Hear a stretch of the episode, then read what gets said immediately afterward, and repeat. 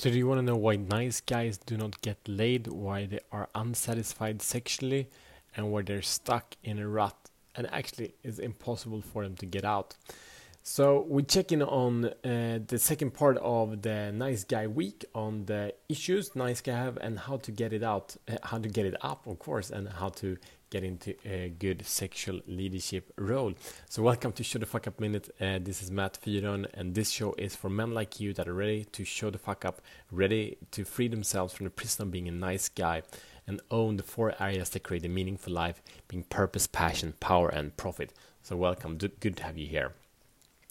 So, nice guy experience a lot of frustration with women, and the issue is that they never get what they want. And why? Because they have impossible expectations. So the nice guy believes that the, his new partner is his mom, and his mom, he wants, he longs for her to give him unconditional love, that she will love him just as he is and will give him huge care and holding and, and, and, and all this sweetness. So the, the nice guy is a super sweet, super cute guy that just longs for this.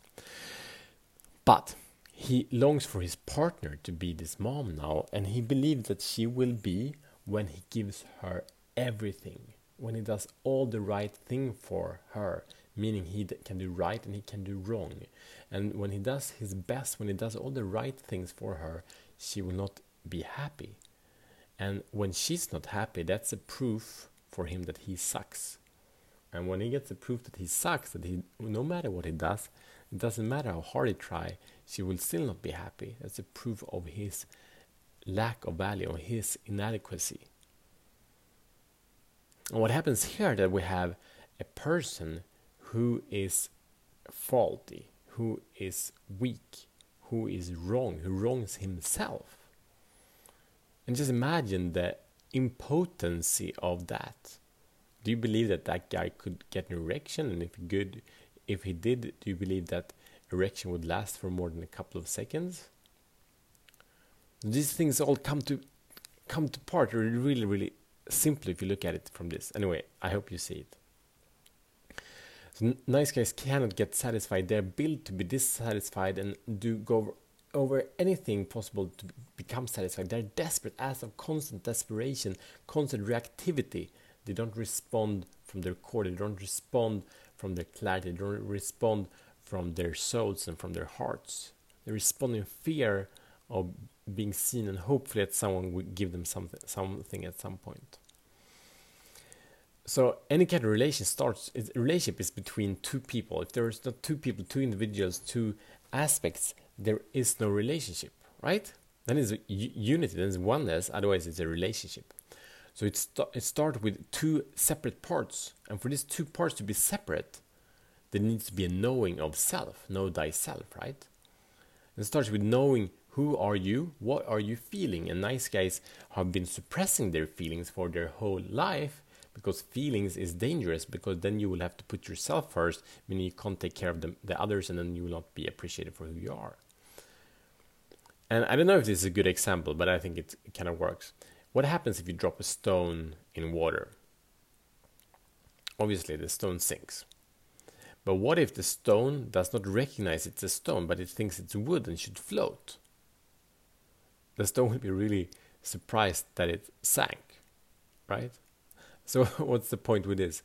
That we, we want something different constantly as nice guys, and we can't get it. So there is no like we can see the stone in the water. It's like that's the penetration, well, and we get surprised, and and we don't get the outcome that we want because we don't see who we are. So the water and the stone, they can relate to each other very easily. The stone always sinks, and it's okay for the water, it's okay for the stone. But we try to be wood, and we can't. So the relationship works when like I'm a stone, I'm gonna sink. I can accept that. Are you willing to receive me, water? I might be a bit far fetched, but anyway, hope you get it. So um, let's check in on on on the what the issues why really practically sexually, why don't you get laid? Why doesn't it not happen? So first, your fear of failure. You believe there is such thing as sexual failure and sexual success, and this comes from a non-connection with your own body. That you don't feel comfortable with your own cock. You don't feel comfortable with with dicks around. I have this amazing in a conversation with Dimitri Duchamp the other the other month. He's, he's he helps men with porn addictions. Definitely ninety nine percent nice guys at least, and he spoke about the men that like a lesbian porn are men that fear the power of the cock, right? So so nice guys are not connected to the potency of the cock. So so and it means fear of failure for himself that he could be judged. And if he gets judged he don't get the love and appreciation. He doesn't want to fail. And when we fear failure we constantly fail because it's a rule that we can't win. So we have failure that's it's judgment. Success is also judgment. Both are as harsh. And there is another way and that is allowance. Whatever happens it's okay. You know i'm here i'm showing up in a space of allowance and curiosity and it's fun let's have fun along the way and all this leads to um, a lack of potency. Again potency we spoke about it some week ago. Potency means recognizing who you are and where he is good or bad. It doesn't matter. Potency plays always recognize who you are and where you are and take action from there. Set intention from there. Set intention for anywhere else that is is impotence. Okay?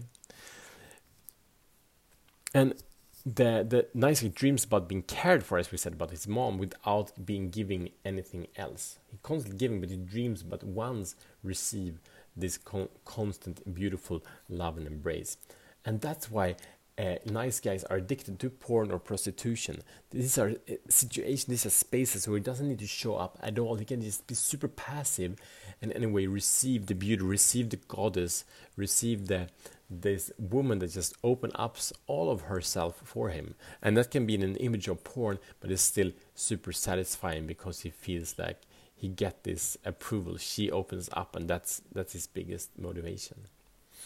Um, and then there's no life energy. So so it's like these things are not attractive to women. There is no life energy because he suppresses. If he has a desire for himself, he suppresses it. He makes it wrong. He denies it. And and if he, he he's in a conversation with his partner or anyone, he wants like, what do you want? Or what do you think? Where should we eat? Or I don't know. Anything works, you know. And so it doesn't have any direction, no energy. When energy comes, it suppresses it, making the energy go weaker and weaker. Um, and then, yeah, he has shame about masturbation leads to shame about sex.